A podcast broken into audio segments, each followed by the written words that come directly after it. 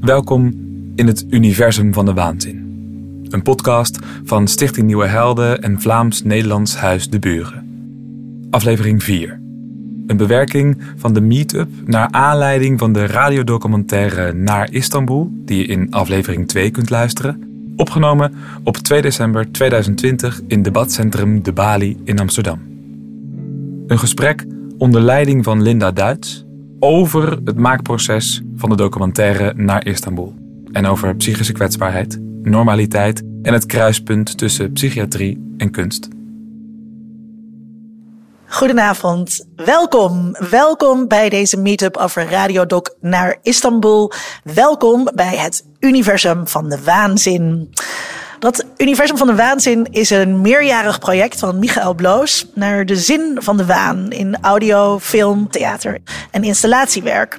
Het begon allemaal met de vader van Michael, Jochem. Jochem verloor in Istanbul zijn geest en raakte kwijt.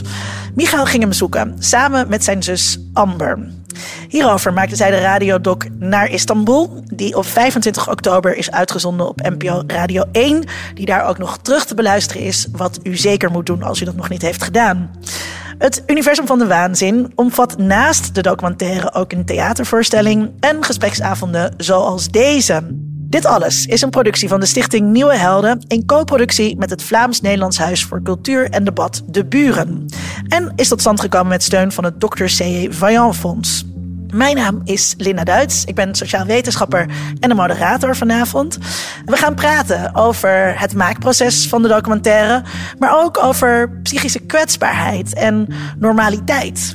Over het kruispunt tussen psychiatrie en kunst. Zometeen schuiven filosoof Wouter Kusters aan en psycholoog en kunsthistoricus Bart Marius. Maar eerst ga ik in gesprek met de makers Michael Bloos, Amber Bloos en radiomaker Wederik de Bakker. Michael Bloos is dus de creator van dit multidisciplinaire project Universum van de Waanzin. Hij studeerde aan de toneelschool en werkte sindsdien als acteur en als theatermaker. Zijn zus, Amber Bloos, is cultuursocioloog. Ze studeerde cum laude af met een masterscriptie over outsider art. En nu werkt ze als artistiek coördinator bij de Stichting Nieuwe Helden en binnen dit project. Wederik de Bakker maakt audiofictie. Hij studeerde aan de RITCS School of Arts in Brussel en won eerder de prijs voor het beste hoorspel op de prestigieuze Europese mediaprijs, de Prix Europa. Hij maakt onder andere de podcast Plantrekkers over, en ik citeer dit, foefelaars en slimmerikken die de regels omzeilen en het heft in eigen handen nemen. Welkom allemaal. Um, het maakproces dus. Aan de hand van uh, fragmenten gaan we dat doen. Maar eerst, uh, Michael, wanneer besloot je om deze documentaire te maken? Het exacte punt weet ik niet meer, maar ik denk het moment dat wij naar Istanbul gingen besloten om een ticket te boeken en Jochem achterna te gaan, was het moment dat ik wist dat dit een, een verhaal was. En niet dat je dan meteen denkt, daar ga ik een podcast over maken, maar wel dat je voelt, we stappen nu in iets wat een ander soort werkelijkheid heeft en wat we later gaan navertellen.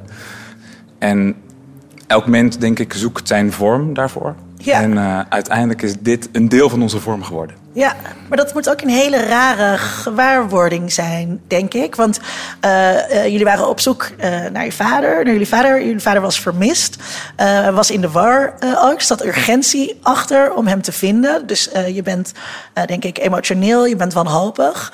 Maar als je bedenkt, dit is ook een ander verhaal, dan ben je ook professioneel, neem je afstand. Precies, allebei, ja. Nee, het is denk ik beroepsdeformatie. Um, maar het is misschien nog wel meer dat tweede. Misschien had ik het nodig of hadden we het nodig... of ik misschien meer, nog meer in het bijzonder... om juist die afstand te, te nemen. Om er misschien wel helder naar te kunnen kijken. Om me niet te verliezen in die situatie. Ja, we zijn ook daar heel erg mee opgegroeid. We zijn enorm opgegroeid met dat de wereld om je heen bestaat uit verhalen. En als je er dan in zit en je, je hebt dit vak wat ik heb, dan, ja, dan, dan is dat er vrij snel aanwezig. Ja. En dat is raar, zeker. Ja.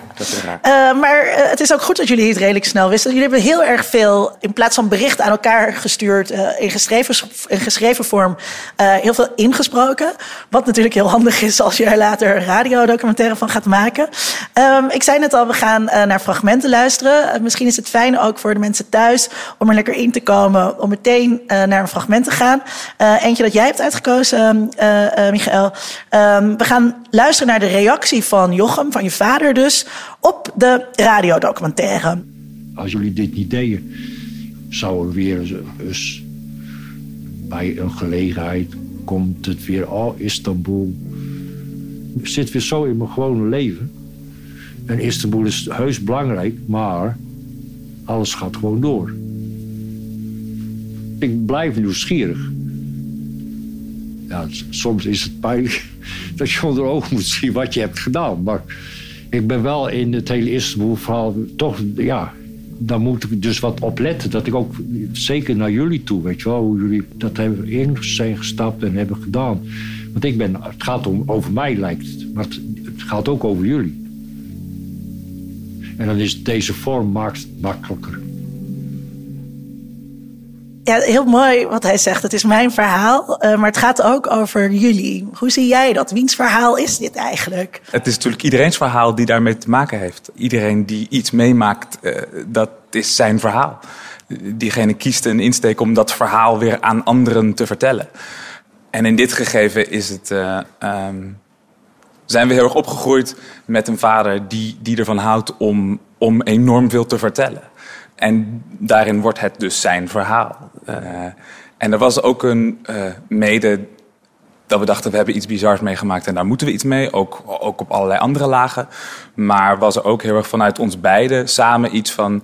Ah, en wat zou ons verhaal zijn? Waar passen wij in? Wat, als wij het zouden vertellen, wat is dan ons verhaal?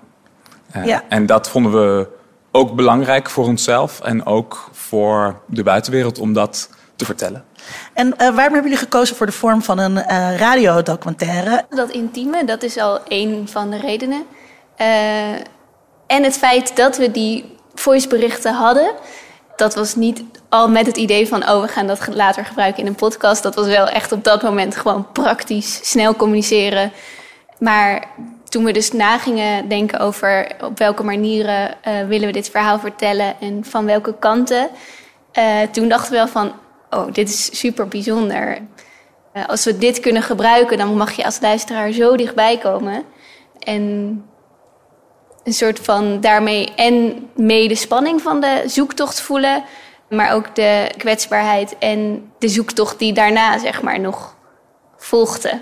Ja. ja. En was jij direct uh, on board met je broer? Of uh, zijn er, hebben jullie daar ook uh, oneenigheid over gehad? Nou, eigenlijk werd voor mij de noodzaak om de podcast te maken alleen maar groter toen Michael ook uh, heeft ook een voorstelling gemaakt uh, over dit verhaal, wat heel erg het perspectief um, heeft van de theatermaker, wat ook heel erg ingaat op um, de verhouding tussen van theater en de waanzin, uh, vader en zoon. Um, en uh, nou ja, als het gaat over dat dit het verhaal van verschillende mensen is, dan vond ik dat ook heel belangrijk dat, er, dat we ook het perspectief van de broer en de zus lieten horen en ook van de moeder en de oma, die uiteindelijk uh, niet erin is gekomen. Misschien is het goed als we uh, naar een fragment gaan luisteren met jullie moeder. Zo had ik het leven natuurlijk me ook niet voorgesteld. Want ik had Jochem ook wel uitgekozen omdat we samen dan voor jou, hè, hij is leuk met jou, dat ik niet verder er alleen voor hoefde te staan. En op dat moment stond ik er alleen voor, weer met een zwangerschap. Nog meer alleen. En iedereen zei van, hoe is het met Jochem, hoe is het met Jochem, hoe is het met Jochem en hoe gaat het met Jochem? En ik zat maar aan die telefoon.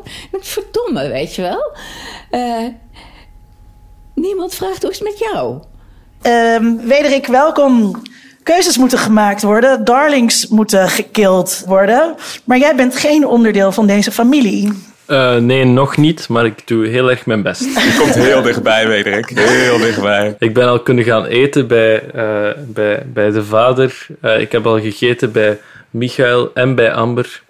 Eh, de moeder heeft mij jammer genoeg geen eten aangeboden, maar ehm, misschien komt er een vervolg. Nee, ja. ehm, ja, sorry. Ehm, Wat was de vraag? nou, maar, eh, mijn, mijn vraag is ook, eh, hoe is het om als, om als maker ehm, betrokken te worden bij juist zo'n familieproductie? Ehm, vreemd. Omdat ik... eh, ja, ik ga het heel cru formuleren, maar ik ben er alleen als maker tegenover mensen die elkaar heel goed kennen. En dus ook mekaars gevoelige kanten heel goed kennen. Of niet kennen, of met een hele voorgeschiedenis eh, dingen vertellen die ik niet kan plaatsen. Dus ik kom daar zo als een soort van eh, Caspar Hauser tussen gedropt. En dan is het een uitdaging om op korte termijn zo te leren wat dat zo de dynamiek is. Om erachter te komen wie, wie de baas is. eh. Om ieders gevoeligheden te leren kennen en daar ook rekening mee te houden. En, en te zorgen dat, het geen, dat er geen slachtofferschap is aan, aan geen van alle kanten. Dat dingen niet fout begrepen worden. Want ik vind het niet waard om een, een, een radiodocumentaire te maken waar dan, dan vervolgens een familie nooit meer aan dezelfde tafel kan zitten. Dat is mij niet waard. En nogthans moeten er wel, allee, worden er best wel wat pijnlijke, allee, worden er wel wat pijnlijke dingen aangehaald, wat ook wel belangrijk is, denk ik, om dat te doen. Maar dus het is zo aan, voor mij was het een evenwicht zoeken. Kan je iets vertellen over hoe het maakproces eruit zag? bijzonder digitaal. We hebben uren en uren met elkaar gewoon gepraat over Zoom eh, en dat soort toestanden. Wat dat heel vreemd maakt, want de eerste keer dat ik Michael en Amber gezien heb in het echt was, bij, eh, was deze zomer bij een opname bij hun moeder thuis. dat was van, hey, hallo, ja, we gaan opnemen. Allee, leuk, leuk dat ik u eens in het echt zie. Allee, ja, ja, allee. Ik ben dan terug naar huis, hè, dag. Omdat je hebt een soort engagement al aangegaan. eh, en omdat dan vervolgens... Omdat dan vervolgens te moeten volledig digitaal doen, ja, ik weet het, heel vreemd. Je, je zei, eh, eh, je bent begonnen, jullie zijn begonnen met heel veel praten. Er was heel veel materiaal. Eh, hoe ga jij dan vervolgens aan de slag? Ehm, via dat praten, maar ik, ik moet wel zeggen dat Amber en Michael een fantastisch ehm, mooi job gedaan hadden om een eigen verhaal op te delen. Eh, dat is een talent waar ik jaloers op ben. Omdat dat wil zeggen dat je een soort van je eigen leven abstraheert eh, en daar een boog in ziet. Dus die kwamen naar mij met een soort van plan. En dan hebben wij daarover gepraat. En dan eh, denk ik dat wij heel snel zo die driedeling gemaakt hebben in, een, in Google Docs. Bijna terwijl dat we aan het praten waren. Gewoon zo, dit kan het zijn. Het is eh, dit, is, dit is een logische boog. Ehm, wat moet waar komen? Hoe, hoe lang stel je uit? Omdat, ja, je vertelt ook een verhaal. Ik weet dat dat een beetje vies is, maar je vertelt een verhaal. En in het begin speelde eigenlijk een beetje met het feit van, wordt hij gevonden? Ja, je speelt daar een beetje mee en dan is kijken hoe lang dat je zoiets kan rekken voordat dat echt strontvervelend wordt. Eh, was het dan soms het gevoel alsof Wederik eh, jullie baby's... ehm, eh, Zeker, en daar hebben we hem ook voor gevraagd. dat was ook juist de reden om hem erbij te halen. Ja, we, ik, ik heb, we hebben heel snel gedacht: dit is niet iets wat we alleen moeten doen. Eh, misschien kunnen we deels ons eigen leven in een, in een soort boog zetten. Of, maar we hebben absoluut iemand nodig die daar mee van buitenaf naar kijkt. Eh, niet alleen om de. Van de skills natuurlijk, de supergoeie editing eh, Nee, zeker. skills, ja. wat ook heel, heel Ja. fijn was. Dus, dus niet alleen dat iemand inderdaad ontzettend goed is in de montage en in de mixage en, en daar heel goed naar kan kijken en ook naar verhaalstructuur kan kijken, maar ook juist iemand die ons geheel niet kent en die juist daar enorm buiten valt en eh, daardoor allerlei dingen ziet die wij niet zien en door gevoeligheden heen kan die wij eh, misschien te veel hebben. Eh, want nu klinkt het allemaal eh, super en vrij. En, eh, Jij wil grote- ja, ja ik zou toch weer Wederik... je- Jij bent hier niet in de studio aanwezig, dus je kan dat makkelijk zeggen. Het einde was, eh, ja, het, ja, het einde was best eh, conflictueus. Hè? We waren het niet eens over, over wat dat er gezegd moest worden op het einde. Er zijn daar, ik denk, normaal gezien, en dat is ook wel een probleem, normaal gezien probeer ik heel vroeg in mijn proces een, een einde gemaakt te hebben. Zo van, tada, daarmee sluit ik het af, klaar. Maar hier was me dat niet gelukt. We hebben met elkaar ook hebben we lang gestoeid over, over Ja. wat het einde eh, was. Ja. Het einde van deze avond, weet ik toevallig. Eh, eh, daar horen we iets wat eventueel het einde zou zijn van de podcast. En dat is heel duidelijk het einde niet geworden. En het is zo, ja, wat je er precies mee zegt of, of niet. En, dat is, en die discussie, daar ben ik heel blij mee. Daar, daar alle drie, volgens mij waren we heel erg blij dat we die discussie ook echt hadden. Want anders, dat moet ook. Eh, anders dan ben je inderdaad alleen maar met paai en vrede leuke dingen aan het doen. Maar als je, dat, als je die discussie hebt, dan heb je het gevoel dat het ergens over gaat. Eh, er is het mooie dan ook nog eens een keertje. ehm, je moet keuzes maken, maar eh, het is een eh, multimediaal project. Je hebt net al iets verklapt over het einde. Maar hier kunnen we natuurlijk ook dingen laten horen die het niet gehaald hebben. Een fragment door jullie beiden gekozen. Gaan we naar luisteren. Een scène die niet in de podcast zit, of niet in de radiodocumentaire zit, over de grootmoeder van jullie. Die vertelt over haar ervaring met de psychoses van vader Jochem. Over zijn jeugd en medicijngebruik. En hij was verder een hele leuke jongen als jongen, maar toen begon die puberteit en toen begon dat manische. En dat was een vreselijke tijd. Ja, hij was zo. Ik ben wel angstig, bang voor hem geweest. Fysiek, hè? Dat hij dus. eh, ja, dat was een hele, hele akelige tijd. Ja, dan geneerde je daar geloof ik ook nog voor. Want toen s'avonds, ik eh, was ook met hem naar de dokter geweest en dan krijg je megadon, had ik van de dokter gekregen voor Jochem. Om hem rustig te krijgen. Toen was hij s'avonds, toen hij weer thuis was, was hij naar de politie gegaan en gezegd dat mijn moeder hem ver- vergiftigd had. Nou, dat is nog weer een spijt van mij, want toen had ik hem zijn maag moeten laten leegpopen. Maar ik belde het ziekenhuis en zei: Ja, hij heeft alleen maar een paar meganons gehad. En daar hoeft die maag niet voor leeggepompt. En dan had hij misschien ook weer van geleerd: van doe verdorie, want dat is niet niks hoor. Dan krijg je zo'n slang in je maag en dan. Dat is, moet niet leuk zijn. dus dat was een vreselijke tijd. Met de puberteit was hij ook natuurlijk hartstikke wild en gekke dingen. En had ik ze ook extra verzekerd.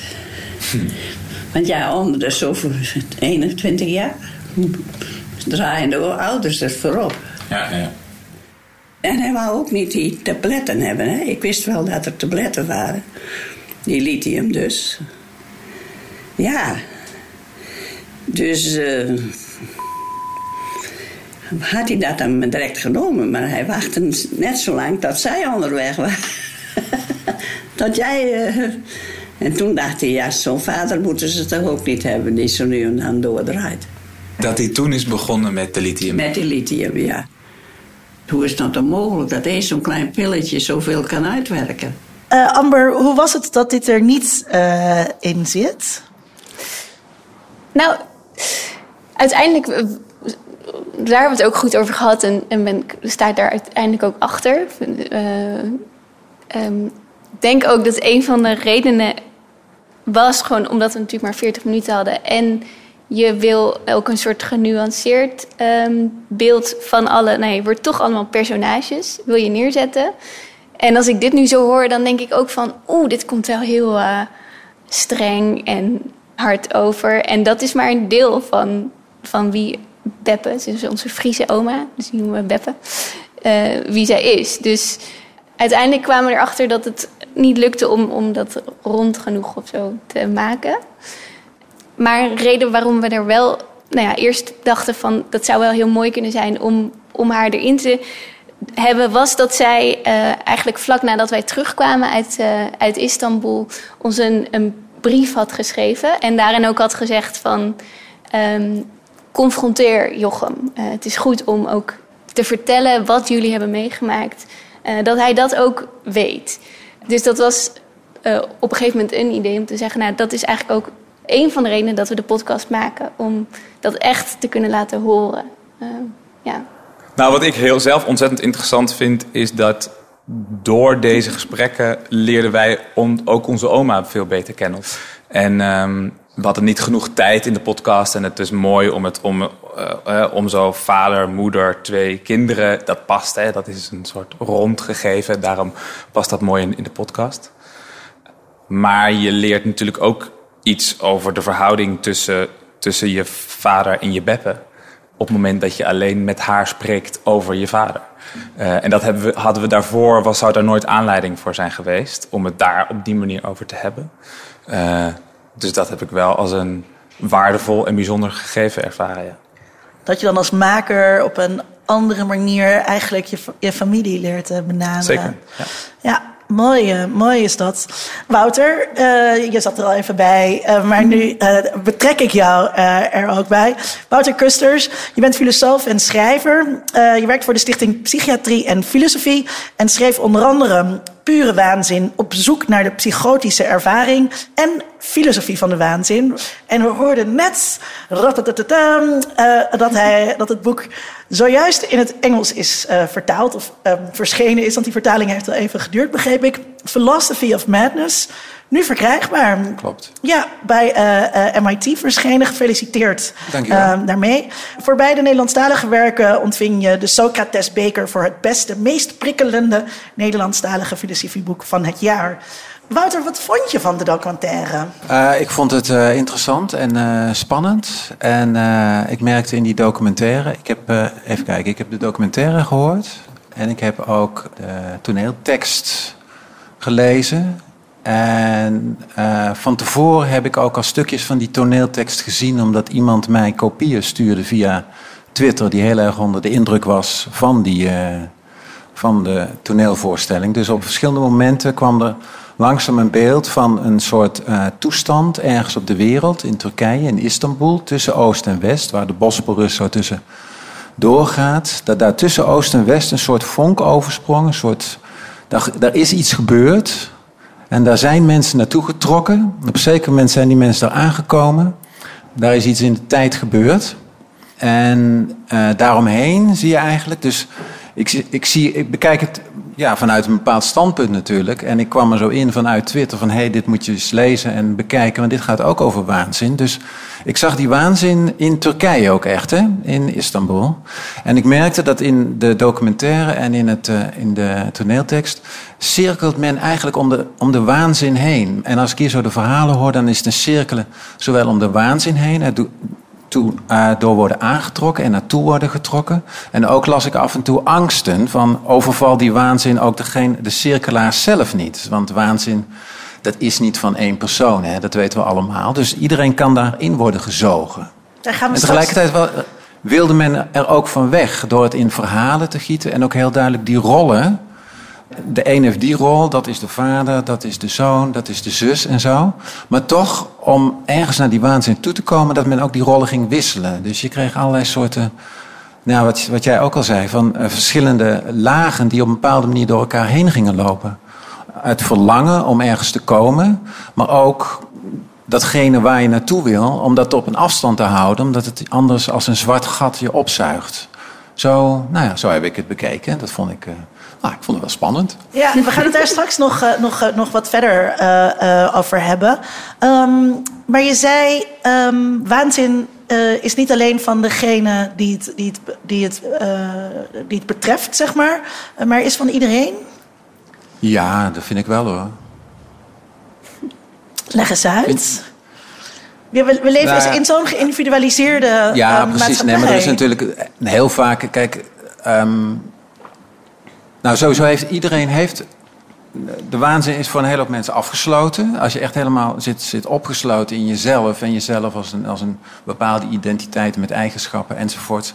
dan kan je in een soort patroon zitten dat, dat die waanzin niet bereikbaar is. Dat kan. Dat je, dat je niet toegang toe hebt. Dat, dat de deuren dicht zijn. Maar heel veel mensen die proberen die deuren open te maken. Die beuken op die deuren. Die gooien de drugs tegenaan, die gooien drank tegenaan, die gooien de LSD tegenaan. En die willen door die deur. Of ze gaan mediteren. Of ze gaan heel, heel ver zoeken. En ze gaan filosoferen. En ze willen meer weten. En ze willen, willen weten wat de waarheid is. En ergens achter die deur, daar zit iets. Iets waar we naartoe willen. Nou, en, dat, um, en datgene wat achter die deur zit, dat, dat is, daar willen we naartoe. Dat zit buiten ons. Tegelijkertijd zit dat ergens ook in ons, dat, het opeens, dat we daardoor gegrepen kunnen worden en dat we opeens in vuur en vlam zijn. En dat, dat, dat vurige, dat is, dat is eigenlijk de waanzin. Iets, uh, uh, een um, toegang, toegang tot die andere werkelijkheid uh, zoeken. Ja. Is dat ook de relatie tussen waanzin en filosofie? Um, ja, dat is, wel, dat is wel. Ja, dat is zeker een van de. ja, en het, het niet tevreden zijn met het vanzelfsprekende van de alledaagse werkelijkheid. En juist dat vanzelfsprekende, dat ter discussie stellen. Dat ook of niet willen omdat het, omdat het je niet bevalt, of het niet geloven omdat de werkelijkheid zoals het eruit ziet van ja, dat is maar één, het is maar één mogelijke manier om hem zo te interpreteren zoals het gebruikelijk gaat. En misschien zit alles wel heel anders in elkaar. Ja, er zijn, er zijn, we hebben het over verhalen natuurlijk. En er zijn heel veel verhalen. Maar misschien zit, zit daaronder een soort, soort kern waar je naartoe kan. En dat, dat is vaak een soort een, een drijfveer. Van ja, verhalen, wat moet je eigenlijk met een verhaal? Wat wil je met een verhaal? Waar wil je naartoe met een verhaal? Waar komen die verhalen vandaan? Nou, ik zit nou een beetje wat dingen door elkaar te, te vertellen. Maar dit dit soort dingen die spelen zowel een rol bij de, in de filosofie als, als in de waanzin. Dus ik, ik zie daar veel overeenkomsten. Michael, het werk van Wouter is voor jou een van de inspiratiebronnen uh, geweest, heb ik begrepen, uh, voor het maken van deze uh, voorstelling. je was bang om je te zeer in te leven in het hoofd van je vader, om je die werkelijkheid van de psychose eigen te maken. Kan je daar iets meer over vertellen? Ja, die, ten eerste de inspiratie we hebben het natuurlijk vaak met Jochem erover gehad. We, we, we, noemen onze vader vaak Jochem en niet vader. Dus als het Jochem is, gaat het over vader. Um, maar we hebben het veel met Jochem natuurlijk in het begin ook over gehad. Mogen we dit doen? Kunnen we dit doen? Al wetende wel bijna wat het antwoord zou zijn, maar dat toch het daar ook samen over te kunnen hebben. Maar eigenlijk de allereerste keer dat we het daar goed over hadden, ik zei er gaat een toneelstuk over geschreven worden. Toen kwam die met dit boek. Uh, ik had nog, nog, nog niet van Wouter gehoord. En hij zei, ja, ja je, dit moet je lezen. En, uh, want, ja, ja. Uh, en ik zei, nou, en die schrijver die moet dat ook lezen. Want dat, ja, dat, klopt echt bij wat ik voel en wat ik denk. En, uh, en er zitten stukken in. Ja, lees maar. Dus toen, en eigenlijk wat er is gebeurd is dat ik het heel kort, dit dikke, zware boek, maar heel kort in handen heb gehad. Omdat ik het heel snel doorgegeven heb aan mijn schrijver, die op dat moment dit stuk aan het schrijven was. dit is een hele grote vraag. maar is waanzin kenbaar? Kunnen we. Um, nou ja, kijk, dat dat, nee, ja. Mm. Het ligt eraan wat je precies met, met waanzin bedoelt. Zoals de droom kenbaar is, toch? Ja, ja in die zin is het, is het kenbaar. Maar stel, stel je voor, je hebt nog nooit gedroomd.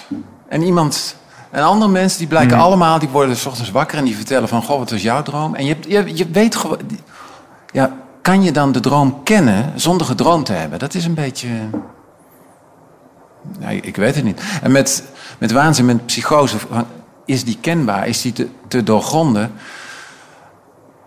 Um, ja, misschien ergens wel, maar ergens als je heel, het hele traject loopt... en het is altijd, altijd heeft het iets van een soort cirkel of een soort spiraal. Een spiraal waarbij je de hele tijd het gevoel hebt dat je steeds hoger en hoger komt... en waarbij die cirkel zich steeds maar verdubbelt. En, zeker, en je weet ook niet zeker of je nou omhoog gaat of omlaag gaat. En waar je in de spiraal precies zit.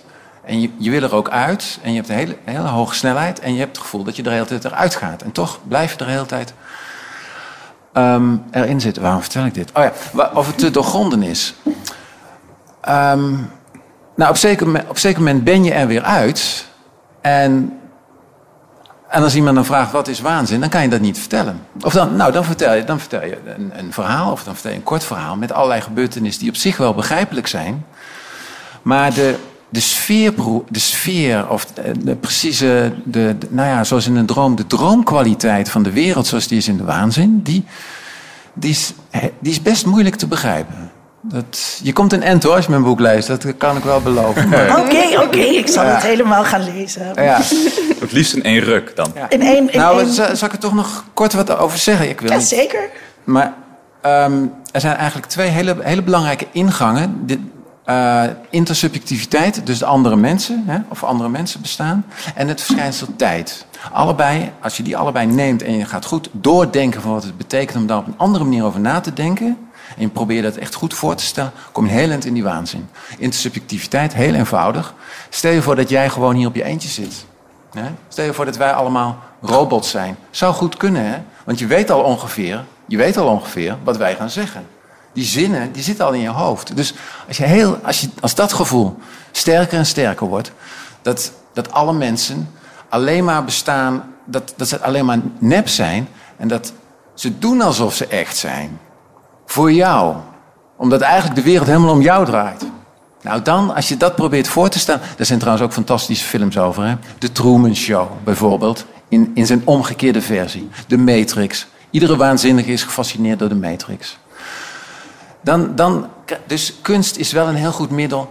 Niet alleen maar om over waanzin te leren. Niet alleen maar te leren van, oh, wat moeten we doen met al die zielige arme patiënten. Maar om te leren wat de kern van de waanzin is en wat er omheen zit. Ook voor onszelf. Nou, dat, dus dat. Um, dus dus dat, op die manier kan je het enigszins doorgronden. Die intersubjectiviteit. En aan de andere kant de ervaring van tijd. Dat, en dat heeft te maken met het vertellen van verhalen dat als je verhalen vertelt, dan gaat het de hele tijd over tijd. En er zit altijd een soort orde in.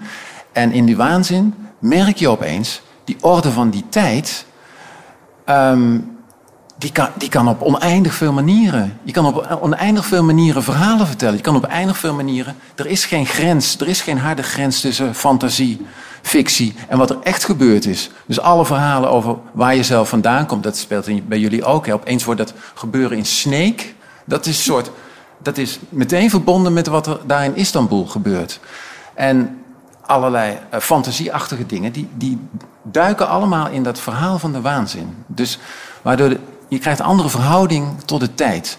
En wat, wat heel kenmerkend is voor waanzinnigen, dat ze op een of andere manier gefascineerd zijn door de, door de tijd. Dat ze het gevoel hebben dat ze niet, dat ze wel in de tijd zijn, maar dat ze er op een bepaalde manier uit zijn ontsnapt? Um, ik heb ook een fragment uh, uitgekozen. Hoe Jochem de psychose ervaart. We gaan luisteren. Ik heb proberen mijn hallucinaties op te schrijven. Nou, dat is al zes pagina's, zeven, acht misschien. En dat is helemaal peanuts bij wat er in mijn hoofd aan hallucinaties zit. Het rare is, als je in een psychose komt, raak je steeds meer los van jezelf. Terwijl je eigenlijk bezig bent om dat te besferen zo steeds uh, dingen net voor zijn. Dat je weet van hier heb ik nog grip. En als ik terug moet gaan waar de psychose begint, dat is niet te doen. Waar is het moment dat het fout gaat of fout, dat je in de, in de psychose niet terug kunt? Daar is een moment dat je niet terug kunt en dat je je terug moet halen. En dat is, dat is uh, toch wel vrij akelig als je opgenomen moet worden. Omdat je psychose niet zo is dat je, dat je ja. als je niks doet, dan wordt het alleen maar erger. Je kunt ook niet zeggen waar gaat de psychose stoppen op het moment dat je niks gaat doen. Dat is ook heel ingewikkeld. Net als het begin is het eind en dan word je gestopt. Of medicijnen of isoleren. Psychose is niet alleen onprettig. Want dan heb je controle, dan is er geen angst, dan besfeer je je angst. En dan ontnemen ze je je psychose.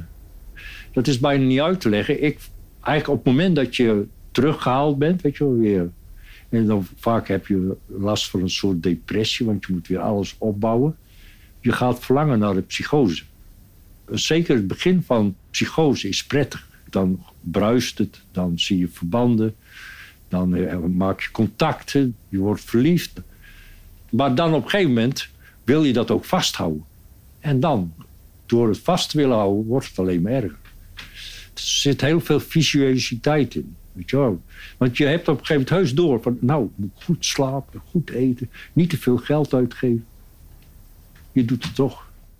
Dit klopt helemaal volgens mij. Hè? maar er zit heel veel in wat hij zegt. Dus ja, dat, dat, dat zijn allemaal aspecten. Die, hij, hij zegt het ook niet van het is dit, het is dat, het is dat. Maar meer van ja, het is, het is eigenlijk dit, maar dat is het ook weer niet. Het is wel iets afgebakend in de tijd, maar het gaat eigenlijk je hele leven lang terug en je weet ook niet wanneer het ophoudt. Dus dat, er zit ook een soort, er zit een soort twijfel ook in. Een twijfel die ook kenmerkend is voor juist dat, dat psychotische. Dat, ehm, ja, je gaat weg van jezelf.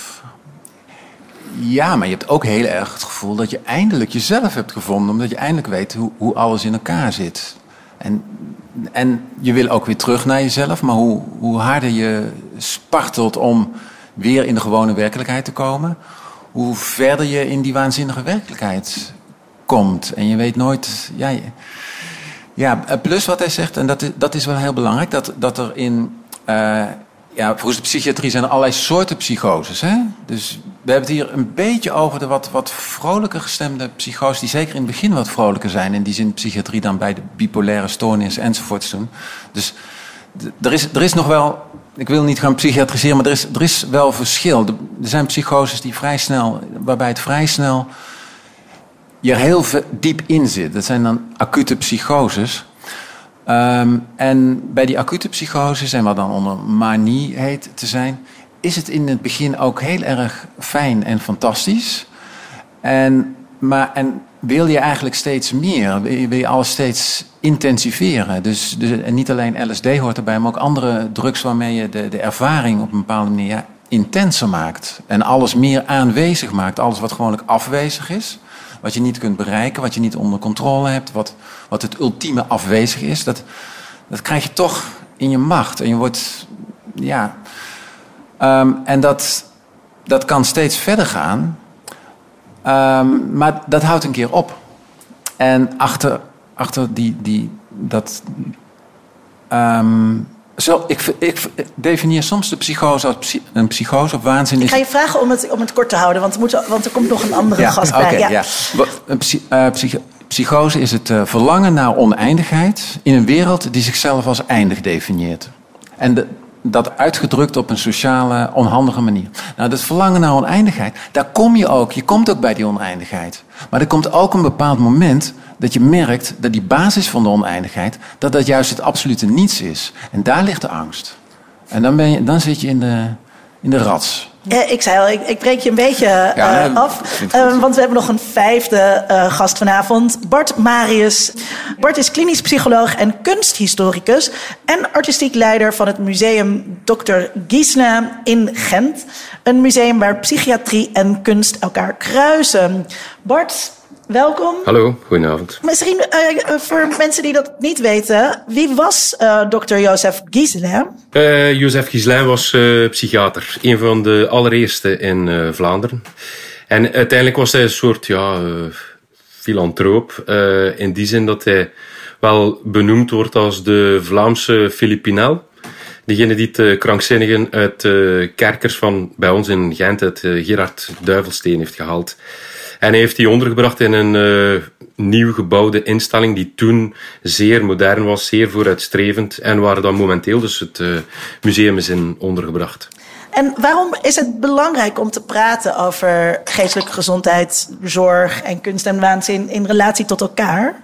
Ik denk bijvoorbeeld dat deze periode, hoe uh, vervelend dat ook is dat ik ze moet aanhalen, maar heel de corona-covid-periode van nu toont aan dat mentaal welzijn zeer belangrijk is. En vooral ook uh, dat, hoe belangrijk het is er om over te spreken, het gesprek aan te gaan daarover.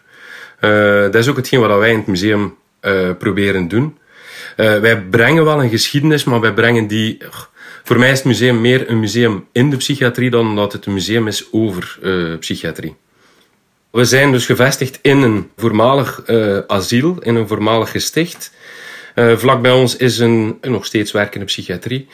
Maar ons museum wil een veel breder verhaal vertellen. Uh, en ja, ik kom daar terug bij hetgeen wat ik in alle gesprekken hier al gehoord heb. Dus, uh, alles draait rond verhaal. En uh, ergens iets bijna gedefragmenteerd, waar we toch proberen op een of andere manier terug samen te brengen, samen te houden. Of daar iets nieuws van te maken, iets nieuws te creëren.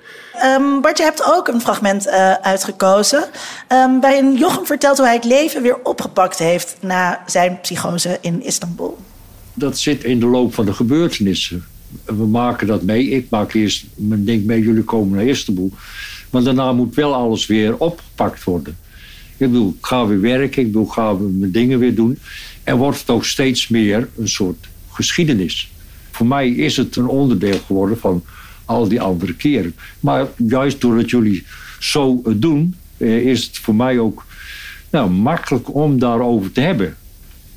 Om opnieuw uh, ja, het, uh, daarover na te denken, maar ook over mijn gekte na te denken. Want dat is wat jullie ook eigenlijk wel zeggen van nou, hoe zit het nou eigenlijk met die gekte.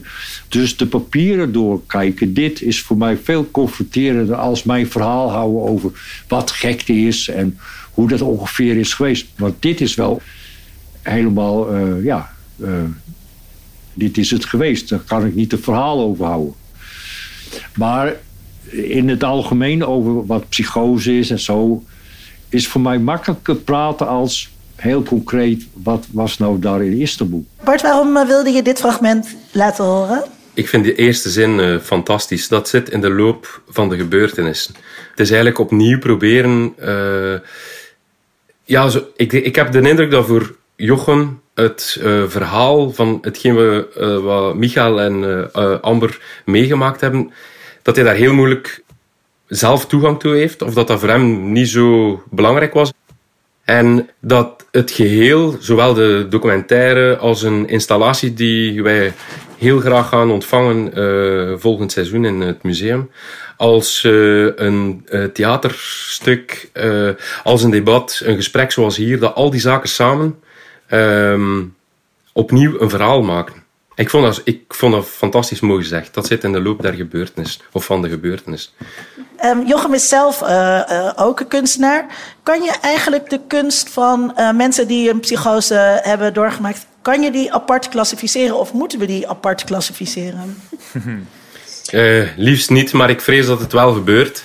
ik denk ook dat het soms is omdat het heel moeilijk doorgronden, te doorgronden is. als ik denk aan het werk van Wulfly, nu, ik weet, het is vreemd om daarover te spreken. Je moet dat echt kunnen zien ook. Uh, het is enorm gelaagd, zijn werk. Uh, daar zit ook een muzieknotatie in bijvoorbeeld. Uh, men heeft in het lam geprobeerd om die muzieknotatie om, terug om te zetten in muziek.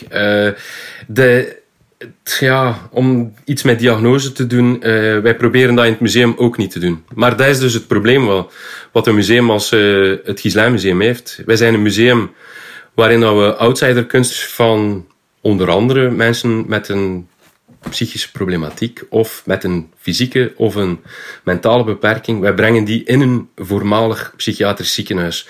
Dus de hele context van het museum bepaalt hoe mensen ook kijken naar die kunst. En dat is een, een ja, ik vind dat een beetje een, een, moeilijke stap voor het museum en is iets waar wij mee worstelen, waar wij moeten eh, uitgeraken ook. Het zou eigenlijk toffer zijn moest het smak zeggen tegen ons van laat ons gewoon van gebouw wisselen. Dan kunnen wij een psychiatrische collectie tonen in een museum voor hedendaagse kunst. En kunnen hedendaagse kunst tonen in de psychiatrie. Ik, ik ga ook even naar Amber, want Amber, uh, jij bent afgestudeerd op die outsider uh, uh, art. Ja. vanuit een sociologisch perspectief. Mm -hmm. um, wat, wat doet dat label? Om nog even aan te vullen. Sterker nog ben ik afgestudeerd met een scriptie die ik in en over een museum uh, Dr. Gislaine heb uh, geschreven. Uh, en ik heb daar ik heb gekeken, heel kwalitatief onderzoek gedaan. en eigenlijk meegekeken in het proces van de tentoonstellingsmakers, waaronder Bart. en hoe zij um, omgaan met dat begrip outsider art. Nou, hij zei het al, ze zijn ook zeer bewust van dat dat wel een problematisch begrip is of kan zijn. Ik denk uh, zelf persoonlijk dat het, dat het inderdaad uh, voor emancipatie heeft gezorgd. Want uh, zonder heel lang uit te wijden over de geschiedenis, maar die term heeft er wel voor gezorgd dat het werk van dan psychiatrische patiënten werd gezien als kunst. en ik denk dat het nu heeft dat, die, dat label zijn werk gedaan en is het tijd om dat weer eraf te knippen. En ik denk dat dat, dat heb ik ook gezien bij het museum, dat daar pogingen voor worden gedaan, eigenlijk. Uh, door het gewoon te tonen in bijvoorbeeld thematische tentoonstellingen naast andere kunstwerken en uh, erbij te vertellen wat ertoe doet voor dat werk. Um, ja.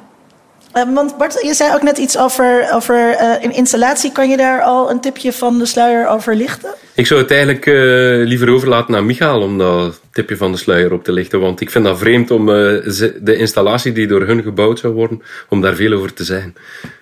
Ik ben vooral blij dat de performance, als ik het zo mag noemen, maar in al zijn gedaantes een fysieke vorm kan krijgen en in een statisch museum terechtkomt. En daar al die grenzen doorbreekt. En nu laat ik het woord aan Michael.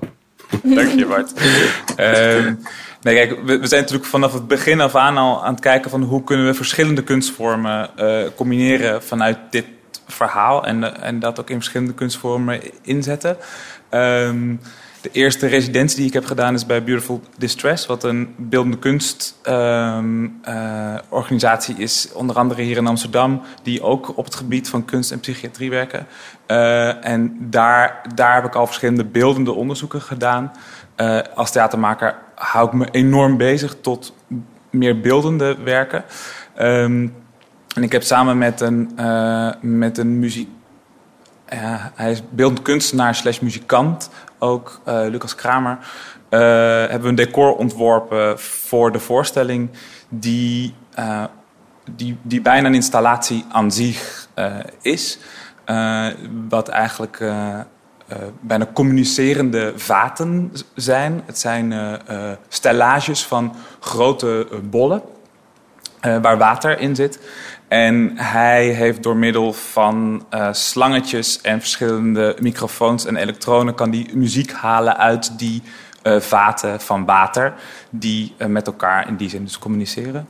Dus het zijn zowel hoofden als natuurlijk ook de Bosporusrivier... die dat oosten en westen scheidt. Kant en Confucius. al, die, al die delen die, die daar samenkomen... Um, en het was eigenlijk al uh, uh, heel lang uh, zijn we al met, met het museum in gesprek. Um, en wat ik zelf heel graag wilde was dat eigenlijk er een samensmelting kwam van de podcast. dus de fragmenten uit de podcast die een soort, ja, die een soort werkelijkheid beschrijven. Dat is letterlijk wat we daar in hebben gesproken. Je hoort daadwerkelijk Jochem. Als de meer in vorm gegoten voorstelling. Um, en uh, het idee is nu om de, de, de hele, de hele flarden-thematiek ook van dat, eh, die hier ook die terugkomt ook in het, in, de, in het hele project, om allemaal flarden te nemen uit die podcast en een installatie te bouwen die voortkomt uit, de, uit het decor, waarin je als persoon met maximaal twee personen in kan en de ervaring hebt van, de, van alle flarden die er komen uit die podcast uh, in de installatie van, van die communicerende vaten. Uh, en dat zijn we nu aan, aan het ontwikkelen. Um, en uh, dat, is, dat, is, dan nu wereldwijd is dit een feit, Bart. en we hadden, we hadden het net heel erg over... Um, hè, kun je de psychose benaderen door dingen te, te lezen... door richting kennis te gaan... Um, Um, kun je de psychose dus ook benaderen via kunst? Of is het misschien makkelijker via kunst? Het is mijn enige manier. het is mijn. E ja. Je, hebt het ook geprobeerd via het boek en. Um, ja, zo, ja, ja, ja. Of via de boeken, moet ik zeggen, excuus. Um, is ook een vorm van kunst, wel toch? Is ook een vorm van kunst, maar toch wel een andere vorm van kunst. Mm. Ja, er, er, zit een stukje ook in de, in de voorstelling uh, wat iets aanhaalt over uh, Walt Whitman's Leaves of Grass. Nou, nou, de, de, in ieder geval, hij, hij zegt iets over dat alleen door de constructie, een nieuwe constructie, iets waar kan zijn.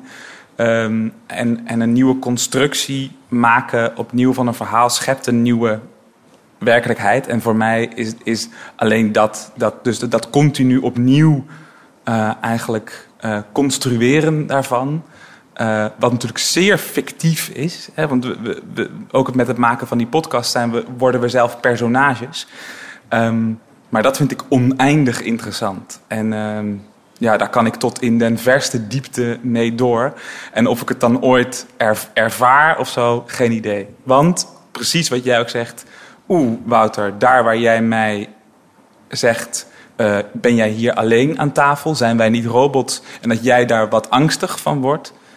Dat is exact waar het menselijke van de psychose, dat allemaal in ons zit. Um, dat is wat mij, eh, waarom ik denk dat, dat het iedereen raakt.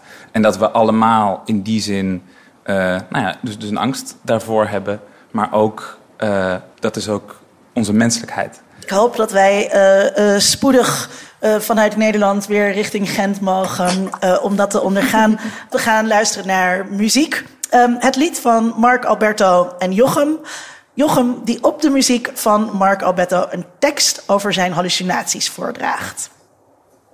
Dit is wel vrij nieuw voor me om een tekst gewoon eh, te doen. 27 maart 20. En het schuift. En het schuift. En het schuift. En het schuift. Wat is psychose? En wat is hallucinatie? Die eerste nacht slaat terug. Terugkeren van vliegveld, consulaat, is psychose. Daarna de nacht, in de buurt van het hotel. En zoek, wat was de weg terug? Contact. De eerste pub verlaten wijk en buitenom lopend elektrisch. En de morgen, en de morgen. De Istaklal. Waar ze aan het werk zijn, was de hele week al zo. De tramrails verdwijnen. Bij het postkantoor storten ze beton. Ik bemoei me ermee. Maak sculptuur, mozaïeken. Ik zie het voor me. In de avond. In een auto. In uitgaansgebied. Krijg klappen. In de avond. In een auto. In uitgaansgebied. En de morgen. En de morgen. De eerste keer schrijven. Een drempel over. De tweede keer moet ik me ertoe zetten. Alsof er een dam gebroken is en de herinneringen tuimelen. Dus hoef niet te schrijven. Het is zo duidelijk in mijn hoofd. Blijkt dat niet, dat niet het zo te verwoorden is als in mijn hoofd. Het staat er anders. En het schuift. En het schuift. En het schuift.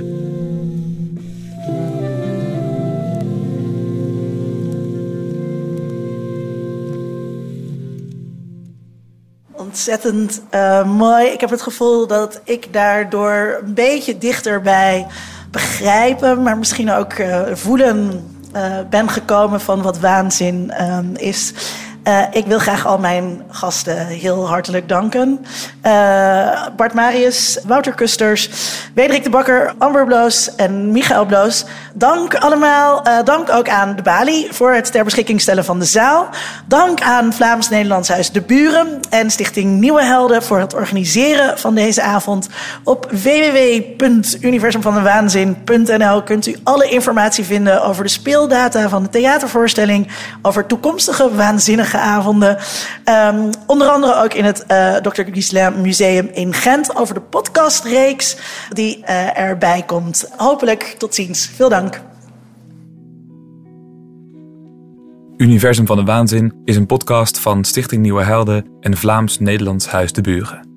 Wil je ons live zien, een waanzinnige avond bijwonen of naar een van onze voorstellingen komen? Of wil je reageren? Ga dan naar universumvandewaanzin.nl of deburen.eu.